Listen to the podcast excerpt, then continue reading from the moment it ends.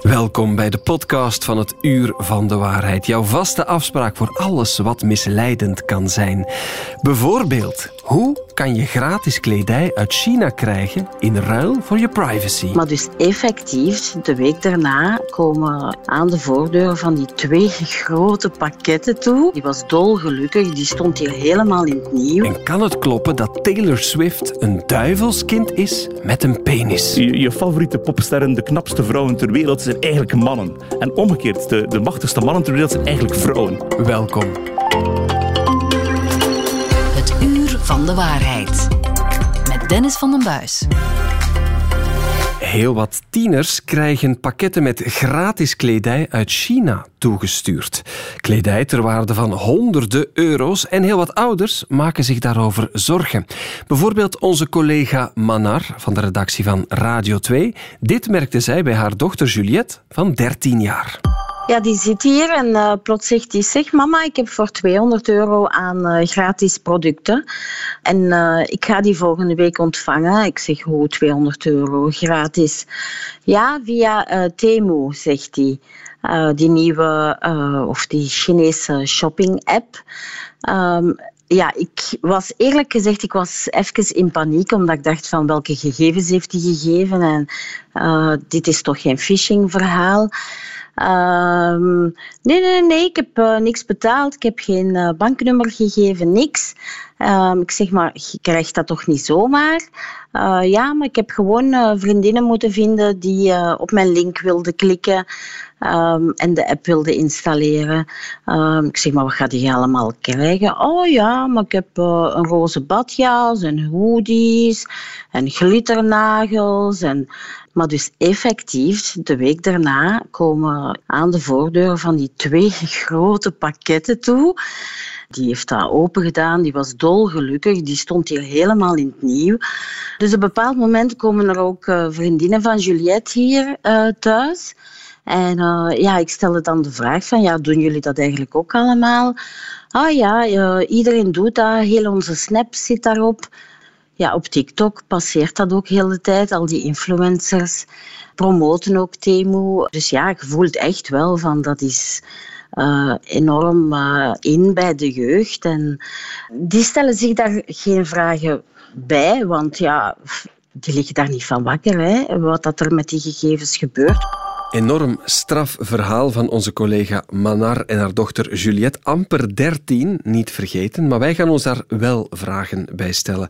Professor e-commerce aan de U Antwerpen, Roel Gevaars, is bij ons. Roel, goedemorgen. Goedemorgen. Ja, eerst en vooral, hoe spreken we die app juist uit en wat is dat allemaal? Wel, uh, je spreekt de app Temu uit en dat staat eigenlijk voor Team Up, uh, omdat de app of het bedrijf erachter hoopt dat je met zoveel mogelijk mensen gaat uh, in team zoveel mogelijk de app gaat downloaden. En hoe meer dat je de app downloadt of anderen kan aanzetten tot het downloaden van de app, uh, hoe meer credits je gaat krijgen en dan kom je bij het gegeven dat zij gratis producten naar jou gaan opsturen of verzenden. Ja, wat daar gebeurt, gebeurt blijkbaar massaal bij jongeren. Uh, dat is ook het aanvoelen van mijn collega. Klopt dat? Hebben we daar zicht op? Klopt. Het is een zeer populaire app. Uh, zelfs uh, potentieel de, de, populairste app momenteel als je kijkt naar de downloads, zowel in Amerika als in Europa. En vooral bij de um, groep 12 tot 18-jarigen. Zeer populair, um, net zoals TikTok. maar je ziet sowieso in die groep van zeer populaire apps. Absoluut. Maar ze krijgen het tussen aanhalingstekens gratis. Maar gratis bestaat niet, hè? Nee, uh, dus hun uh, businessmodel is eigenlijk dat ze van alle jonge consumenten, en het voordeel van jonge consumenten is dat die meestal nog vele jaren gaan shoppen, is dat ze daar nu eigenlijk al profielen van beginnen opstellen. Dus iedere consument die bij hen shopt, gaan zij proberen spelletjes op de app te laten spelen. Bijvoorbeeld gamification noemt dat. Uh, een gemiddeld order bij Timo duurt vaak tot een dertiental minuten, omdat ze zoveel mogelijk data van jou gaan proberen te pakken te krijgen. En in die spelletjes verdienen dan ook weer credits. Ja, absoluut. Dus uh, ze houden je zo lang mogelijk, uh, oneerbiedig gezegd, aan de waggel. Um, en hoe langer dat je op de app zit, hoe meer credits je krijgt. En ook ehm, hoe meer data zij vergaren, en dat kan van simpele dingen zijn van uh, de, de kleur van de ogen, maar dat kan ook gaan over politieke voorkeuren, seksuele voorkeuren. Die... Vragen ze dat in die app of komen ze dat te weten door spelletjes? Ze, uh, ze gaan dat uh, meestal niet strikt vragen. Ze, ze kunnen dat eerder op basis van analyses uitvoeren van als je die combinatie met die combinatie met die combinatie uitvoert, dan of bepaalde foto's gaat liken, um, dan weten, zij, weten zij of schatten zij in uh, die consument behoort tot die doelgroep. En die data kunnen zij nadien dan weer gaan verkopen. Ja. Ik kan niet voor elke 12 tot 18-jarige spreken, maar ik durf mijn hand ervoor in het vuur steken dat de meerderheid niet weet wat jij nu zegt. Uh, ik ga ervan uit dat zij dat niet altijd weten. En als ze het wel weten, dat ze zich nu op die leeftijd daar niet altijd van bewust zijn dat er later wel een probleem mee zou kunnen ontstaan. Ja, ja. want mag dat allemaal? Het is een Chinese app, hè, voor alle duidelijkheid. Ze hebben een, een, een ganse constructie opgezet met uh, de moedermaatschappij is uh, gevestigd in Ierland voor fiscale redenen. Uh, Timo zelf heeft een hoofdkwartier in Boston, maar eigenlijk is het een Chinese app.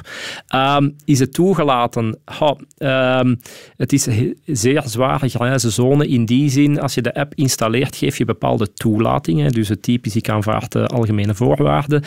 Um, maar er zijn wel indicaties dat uh, niet um, al die voorwaarden altijd gerespecteerd worden. Het is een zeer zwaar grijze zone um, of ik, het kan. Ik, ik benadruk Chinees bedrijf, want er wordt toch gezegd, als de Chinese overheid aan dat bedrijf vraagt, vertel mij alles over die westerse tiener, dan moeten ze dat toch geven?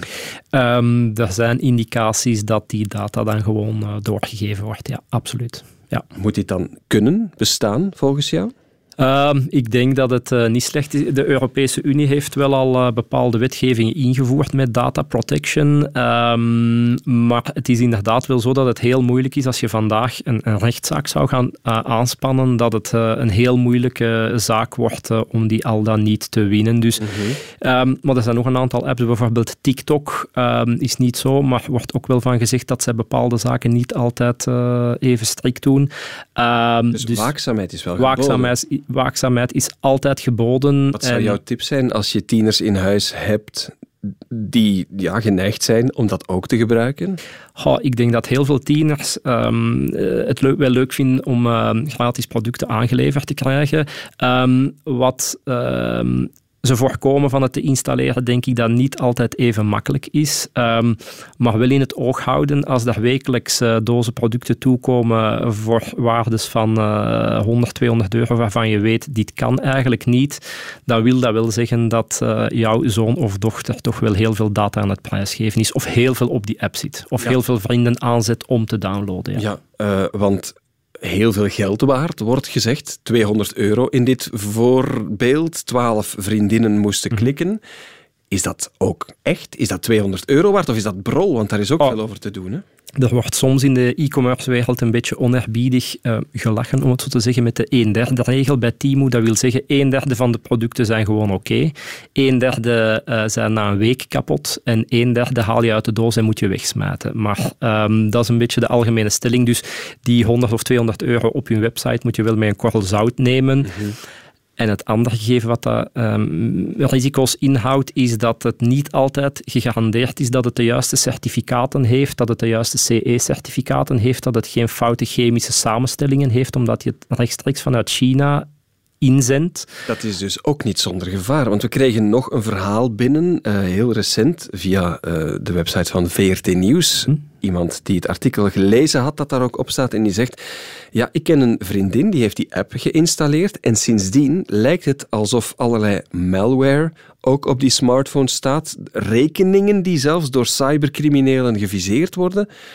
Dat kunnen we niet bewijzen, vooral duidelijkheid, maar er zijn wel, wel, aanwijzingen dat er van alles misgaat sindsdien. Wel, het, het, het zusterbedrijf van Timo, dat is een puur Chinese app die dat in Europa niet te verkrijgen is, maar dat is uh, Pinduoduo noemt die. Uh, en die is vorig jaar zowel uit de Apple, allee, de, de, de iOS, de Apple Store, als uit de Android Google Play Store weggehaald, gedelete, omdat er indicaties waren dat in de app malware zat. Ja. En ehm, vorig jaar is er een studie geweest in Amerika, dat, uh, een IT-studie, die um, de verschillende apps uh, op een achttiental punten heeft gecheckt. Mm -hmm. En daaruit bleek dat uh, Timo op al die 18 punten gebuist was. En dat kon gaan tot toegang geven tot een microfoon, toegang geven tot jouw, jouw camera in, in de ja. gsm. Ja. ja. want in dat getuigenis dat we hebben binnengekregen mm -hmm. wordt ook gezegd niemand weet wie die oplichters zijn. Niemand, ook de bank, kan daar iets aan doen. Gesteld dat dit door die malware is, gaat dat wel heel ver. In combinatie met die misleiding rond producten en gratis en data.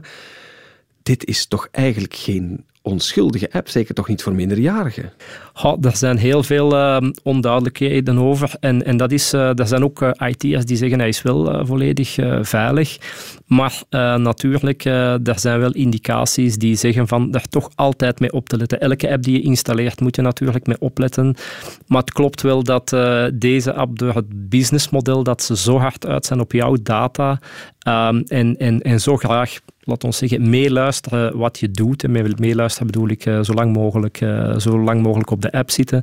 Um, dat je je vragen kan stellen of dat op de lange termijn uh, een gezond gegeven is. voor jouw privacy dan. Ja, het was gratis, maar niet voor niks. Alles wat daar in die app wordt doorgegeven.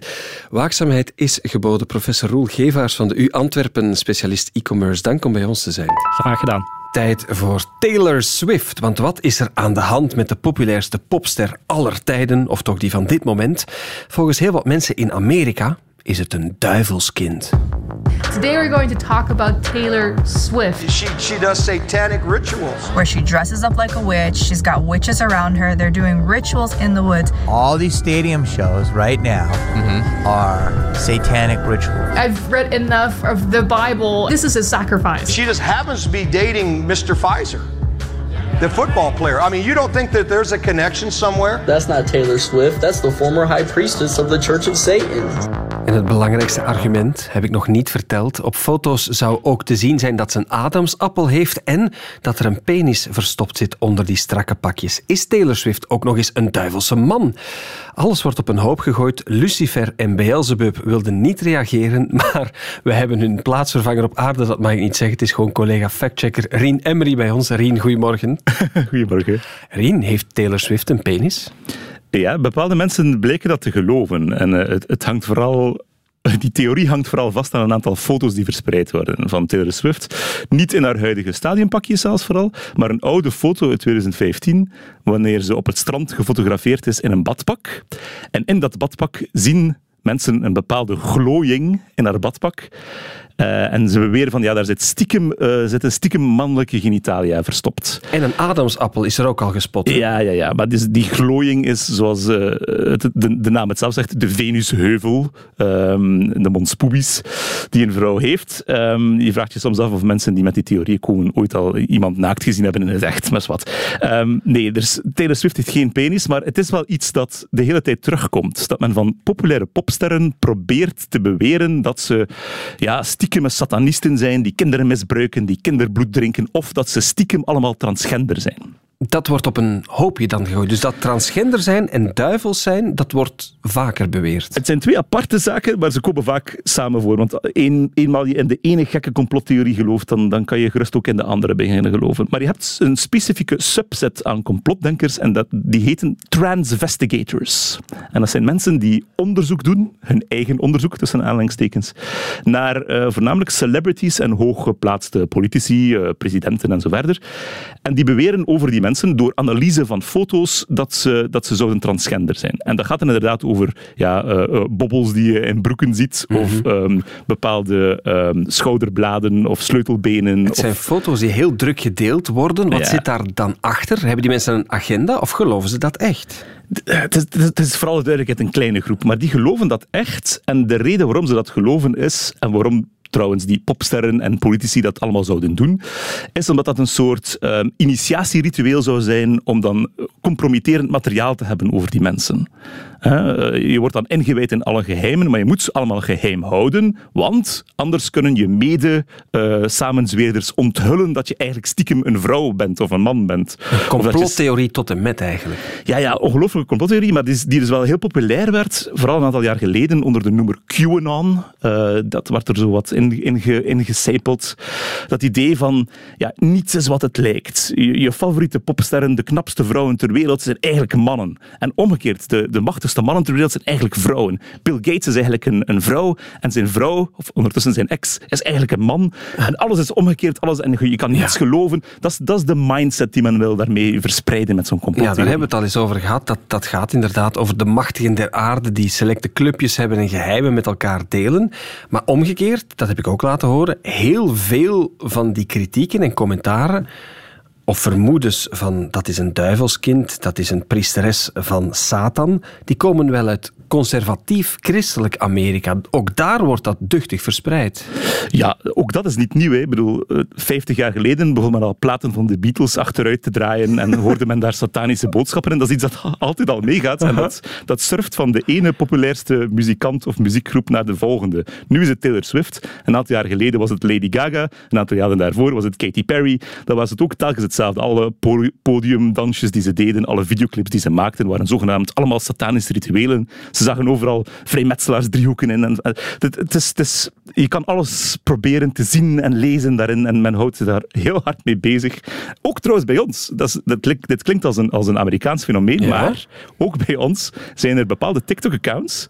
Ik ken er vooral eentje, die prominent is, die beweert dat elke vrouwelijke BV die je kan inbeelden eigenlijk stiekem een man is. Wie, wie bijvoorbeeld? Wat wordt er beweerd? Uh, letterlijk iedereen, gaande van Wendy van Wanten tot uh, actrices in Thuis, uh, Griet van Hees, allerlei modellen, alle Miss België's die we kennen, zijn stiekem allemaal mannen. En dan, gaat dan, ja, dan krijg je daar als bewijs prentjes van, waar uh, ver, vermeende adamsappels en brede schouders worden omcirkeld met rode lijntjes. Het is echt een ja, transvestigators noemt men dat fenomeen, ook, bij, ook, ook in Vlaanderen. Ja, en zo'n theorie leeft natuurlijk ook, of wordt gevoed dankzij de populariteit. Want dat zijn vooral de gigantisch grote sterren waar ze ons voor willen waarschuwen. Ja, ja want, want het, het, het grote idee erachter is, er is een, een schimmige, geheime elite die boven ons staat met ingewijde mensen. Niet alleen de politici, maar ook al die popsterren, al die grote acteurs. Die zitten allemaal mee in het complot. En die hebben een soort geheim. En dat geheim is dan, ofwel zijn ze transgender, ofwel drinken ze kinderbloed stiekem. En ja, dat is het compromaat waarmee ze, waarmee ze gechanteerd kunnen worden om het geheim te bewaren. Dat, dat, dat, is wat achter die theorieën zit. Als je je ooit afvraagt waarom iemand beweert dat Taylor Swift een penis zou hebben, dat is dus wat erachter zit. Oké, niet wat er achter de maillot zit, maar achter de de theorie. Want wordt ook gezegd, dat hoorde ik daarnet, ze is ook samen met Mr. Pfizer. Ja, dat klopt. Haar, haar huidige vriendje is een, is een eh, American footballspeler en die heeft vorige maand meegespeeld in een reclamefilmpje van Pfizer, waarin aangemoedigd werd aan mensen van haal eens je corona-booster en samen ook je griepprik. En sindsdien antivax-mensen uh, noemen hem sindsdien Mr. Pfizer. Um, dus opnieuw, het is een beetje zoals ik al zei. Als je in de ene complottheorie gelooft, namelijk dat vaccins dodelijk zouden zijn, dan is het ook makkelijk om in al die andere te vallen. Uh, zoals over satanisme of, uh, of over het transgeheimen. dus ja, dat, dat wordt allemaal samen erin gezogen en je kan daar echt zeer diep in vallen in zo'n gat in, in, het internet. Okay. Dus blijf er ver van weg. Zuigen is in deze misschien wel een gevaarlijk woord, maar we zijn helemaal bijgepraat. Rien Emery, dankjewel voor je tijd. Geen probleem. Het uur van de waarheid. De VRT Nieuwscheck. Bibber en beeft, gij leugenaars. Want de chef factchecking van VRT Nieuws is er weer. De man die feit van fictie onderscheidt. Luc van Bakel, goedemorgen.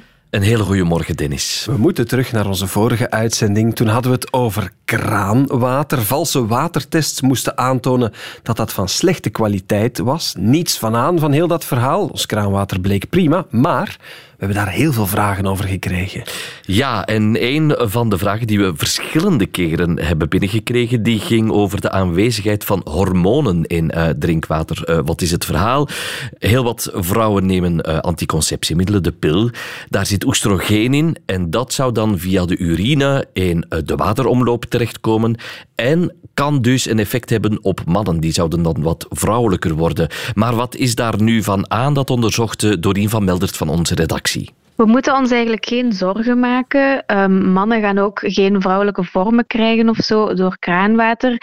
En dat komt eigenlijk omdat er eigenlijk weinig tot geen hormonen, vrouwelijke hormonen in ons drinkwater gevonden worden. Dat blijkt uit cijfers van de Vlaamse Milieumaatschappij. Om je een voorbeeld te geven van die cijfers, je zou wel 70 jaar elke dag 2 liter kraantjeswater moeten drinken om ongeveer één anticonceptiepil um, ingenomen te hebben. En dat is eigenlijk al een overschatting van die cijfers. Ook heel wat studies zeggen bijvoorbeeld dat het superlage gehalte van al die hormonen in kraanwater geen effect hebben op onze gezondheid. Ja, die cijfers, dat is heel duidelijk. Hè. Worden mannen vrouwelijker van het drinken van kraanwater? Zever, gezever! Daar is niets van aan. Het kraanwater is heel veilig. Iets anders, de afgelopen weken was er heel wat te doen over vegetarisch eten. Ik herinner mij een politicus die gezegd heeft: ik stop met vegetarisch zijn. Heel wat over te doen. Ook over veggie-burgers, want daar stellen onze luisteraars zich ook vragen over. Ja, en dan met name of zo'n veggie-burger nu gezonder is dan vlees eten. Eh, die discussie die ontstond een beetje in de nasleep van de week zonder vlees, waar ook al die politicus eh, naar verwees dat hij dan stopte met vegetarisch Chef eten. Dazen, vooral duidelijk. Ja, Jos Dazen. Jos Dazen. Uh, bij deze ook gecheckt. Um, nu, dat is een initiatief dat vegetarisch eten promoot en je zag dan heel wat reclame passeren voor kant-en-klare burgers. En voedingsexpert Patrick Mully uh, die heeft het voor de website Gezondheid en Wetenschap nu uitgezocht. Is dat nu gezonder of niet, zo'n veggie-burger? Nee, ze zijn meestal niet gezonder als je het vergelijkt met bijvoorbeeld kip of kalkoen. Die veggieburgers zijn rijk aan zout, aan verzadigde vetzuren, aan calorieën. En als je dat dan natuurlijk gaat vergelijken met zuiver vlees, kip, kalkoen, zuivere grondstof, dan zijn die veggieburgers eigenlijk niet gezonder. Wat wel gezonder is, dat zijn grondstoffen zoals noten en sojabonen en zo verder. Uh, wat wij altijd vrezen, dat is belangenvermenging. Dat is dan samenwerking met de industrie die veggieburgers verkoopt en die dan natuurlijk gaan promoten. Dus het, het idealistische is er een beetje van afgegaan om het commerciële. Ja, of je nu Jos of Jeff heet, dat verandert niets aan de conclusie. Is zo'n veggieburger een gezonder alternatief? Nee, dan neem je toch beter andere producten zoals noten of andere vleesvervangers. Maar Luc, ja, deze factcheck die ging voor alle duidelijkheid niet zo over de impact op klimaat of nee. duurzaamheid, hè, maar louter op gezondheid. Ja, en ook niet over dierenleed natuurlijk, want dan zit je met andere conclusies en vergelijkingen. Ik heb ook wel eens gelezen dat de verkoop van die burgers keldert. Dat is toch een tijdje een bewering geweest op sociale media, dat klopt, maar uh, ja, die uitspraak is dan wel niet helemaal waar. Er is inderdaad de voorbije jaren een lichte daling geweest, we hebben dat eens uitgezocht. In de Verenigde Staten bijvoorbeeld, daar daalde volgens een studie van het uh, Nederlandse Rabobank de verkoop de voorbije twee jaar ongeveer met 9% In Nederland was dat met 2,5% In België weten we het niet, maar leunen die cijfers altijd dicht aan bij mm -hmm. Nederland. Maar er was jarenlang wel een hele sterke groei, dus die verkoop ligt nog altijd veel hoger dan pakweg vijf jaar geleden. Dus het zegt eigenlijk niks. Het is ook niet zo dat mensen terug naar vlees lijken te grijpen, dat ze zeggen van we moeten het allemaal niet meer hebben. Dat is ook niet zo. Uh, maar blijkbaar speelt die smaak van die veggieburger wel wat mee in die dalende verkoop. En ook het feit dat er heel veel zout in zit, dat die dus niet ja. zo gezond is. Trouwens, uh, Dennis, weet jij hoeveel vlees een Belg eigenlijk eet? Op? Op jaarbasis of Op per week? jaarbasis. Goh. Dat is um, 52 weken in een jaar. Maal, ja, wat zal 60 kilo? Nee, nee. We hebben de cijfers van 2020 uh, en toen was dat 82 kilogram per persoon per Toch, jaar. Jong en oud samen. Jong en oud samen, het gemiddelde.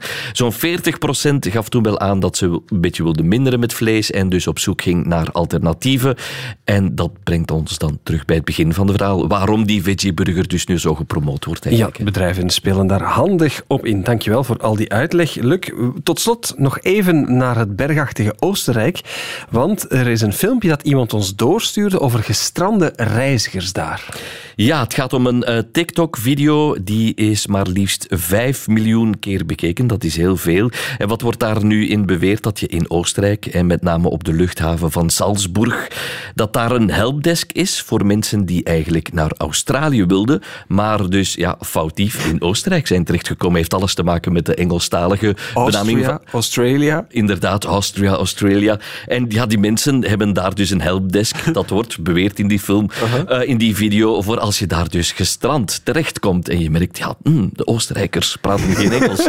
Interessant. Maar klopt dat nu? Dat, uh, dat onderzocht onze collega Nele Baaiens. De helpdesk bestaat helemaal niet, heeft ook nooit bestaan. De bewering komt eigenlijk van een oude advertentie van een bedrijf, van een intercombedrijf. Zij maakten reclame voor hun systemen met een noodknop. En erbij stond dan de tekst van, ja, als je je vergist hebt van um, luchthaven en per ongeluk in Oostenrijk beland bent, terwijl je in Australië moest zijn, dan kon je eigenlijk die knop gebruiken. Maar het was gewoon een advertentie, die knop bestond helemaal niet. En dus die helpdesk bestaat ook helemaal niet. Soms is het heel jammer dat nieuws niet klopt, maar is er een helpdesk voor gestrande reizigers die dachten in Australië te belanden, maar in Austria-Oostenrijk zijn terechtgekomen? Nee, het is niet waar, Luc. Het lijkt ook wel een beetje op de verwarring die soms ontstaat tussen het Franse Lille en het Kempense Lille. Dat is uh, al wel eens echt gebeurd, als ik me niet vergis. Daar is bij mij weten, ik moet het eigenlijk dubbel checken, maar er is ooit toch wel eens een bus verkeerd uh, terechtgekomen. Wat ook al zeker gebeurd is bij de aanvraag voor Franse milieuvignetten, dat er mensen uit de Antwerpse gemeente Putten dat hadden ingediend en dat de Franse database dat vanzelf had vertaald. En put is nu niet zo'n prachtig woord om in het Vlaams op je envelop te krijgen, laat staan op een correct vignet. Dus ook daar gebeuren wel eens wat verwarringen mee. Wie al die andere factchecks wil nalezen, waar kan die? Terecht. Dat kan op de pagina van de checkers.be. Daar vind je zoals altijd onze factchecks van 14 Nieuws terug, maar ook die van het weekblad Knak en van Factcheck Vlaanderen. Leuk, tot volgende week. Tot volgende week gaan we even naar het noorden de grens over met Nederland, zelfs tot boven de Moerdijk. Want de media in Nederland hebben de koppen bij elkaar gestoken voor een grote fact-check marathon die begint komende maandag. Want wat gaan ze checken? De politieke programma's en wat politici zeggen en beweren. Want in Nederland wordt er opnieuw gestemd woensdag 22 november voor de Tweede Kamer.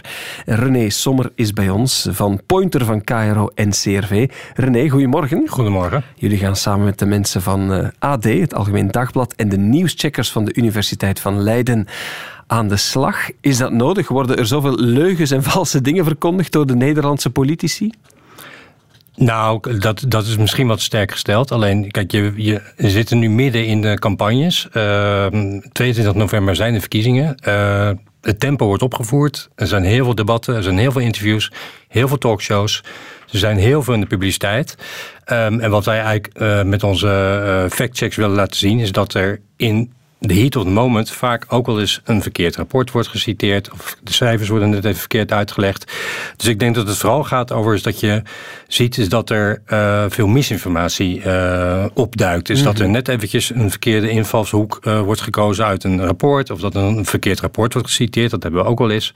Of dat het net even wat sterker wordt aangezet dan er zeg maar in een rapport staat. Of dat, er, of dat de cijfers net even anders uitgelegd worden. Kan je eens een voorbeeld geven van iets, want het is niet de eerste keer dat jullie dit doen, van zaken die opduiken en die jullie dan kunnen verifiëren? Ja, nou kijk, een um, uh, uitspraak die vrij hardnekkig is, die ook elke keer weer terugkomt, is dat er in Nederland asielzoekers worden opgevangen op luxeboten.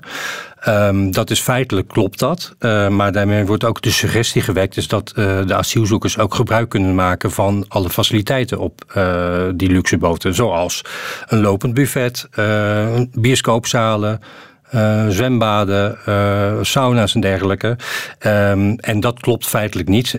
Feitelijk klopt het, ja, ze worden opgevangen op uh, luxeboten, maar die zijn volledig ontdaan van alle luxe. Mm -hmm. Sterker nog, ze moeten met meerdere mensen in één hut slapen. Dus eigenlijk zou je kunnen zeggen, ze zijn nog slechter af dan wij spreken als je in een woning wordt opgevangen. Ja, maar dat komt dus regelmatig terug. En hoe moet ik me dat voorstellen? Dat wordt geponeerd in een debat en jullie schieten in actie. Is dat real life? zitten jullie klaar? Is dat uh, achteraf? Is dat een website? Hoe gaat het concreet? Dat is eigenlijk achteraf. Dus wij zien ergens uh, een uitspraak oppoppen.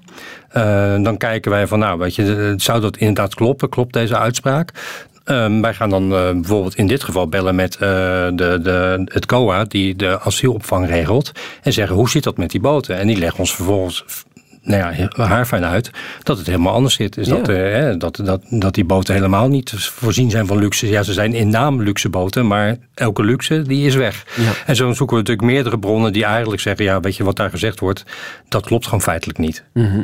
Is het een aanvoelen of is er in Nederland toch wel veel meer polarisering in zulke verkiezingstijden dan in Vlaanderen? Ik herinner mij ook dat we het hier al eens over Thierry Baudet hadden, over het feit dat hij dacht dat de wereldleiders stiekem reptielen waren.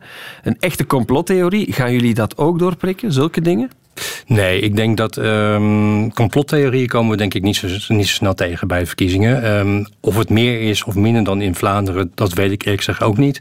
Maar kijk, ik denk wel dat, dat um, dat je wel in sommige gevallen kan gaan praten over desinformatie, waarin dus echt doelbewust verkeerde informatie wordt verspreid. En dat mhm. geldt dus ook bijvoorbeeld voor die asielboten. Ja, kan je nog een voorbeeld geven, los van asiel? Wat komt er nog naar boven?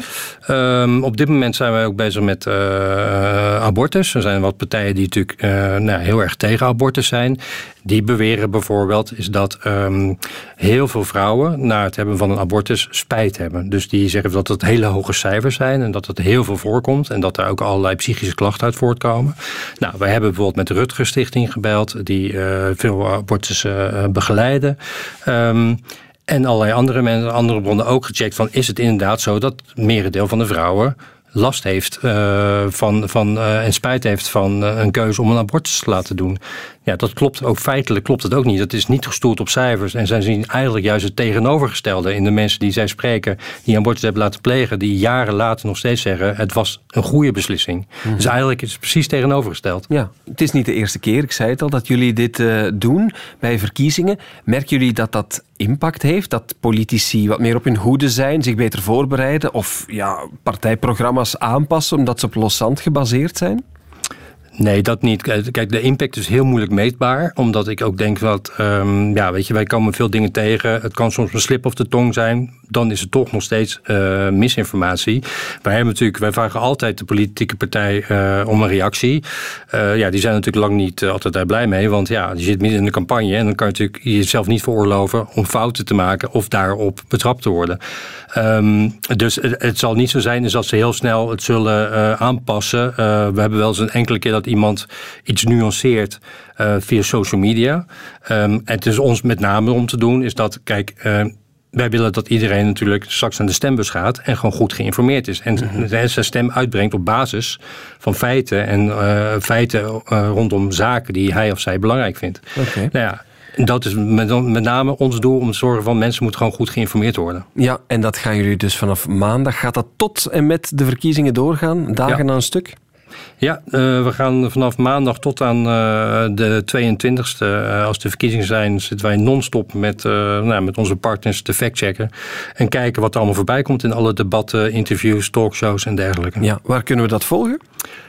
je kan het volgen via pointer.nl slash verkiezingen. Daar hebben we al onze factchecks op een rijtje. En daar kan je alles teruglezen. En ook hoe we het gevonden hebben. En ook ehm, wat dan de feiten zijn. Oké, okay, hou ons op de hoogte, zou ik zeggen, van de grootste uitschuivers of dingen die jullie hebben kunnen uh, ontbloten of weerleggen met de grote factcheck marathon in Nederland. René Sommer van Pointer bij Cairo en CRV. Dankjewel en succes met jullie marathon. Dankjewel. En daarmee zit deze podcast van het Uur van de Waarheid er weer op. Een co-productie van VRT Nieuws en Radio 1. Wil je meer weten over de wonderenwereld van desinformatie, complottheorieën en fake news? Herbeluister dan alle eerdere afleveringen. Dat kan via de app van VRT Max. Tot de volgende.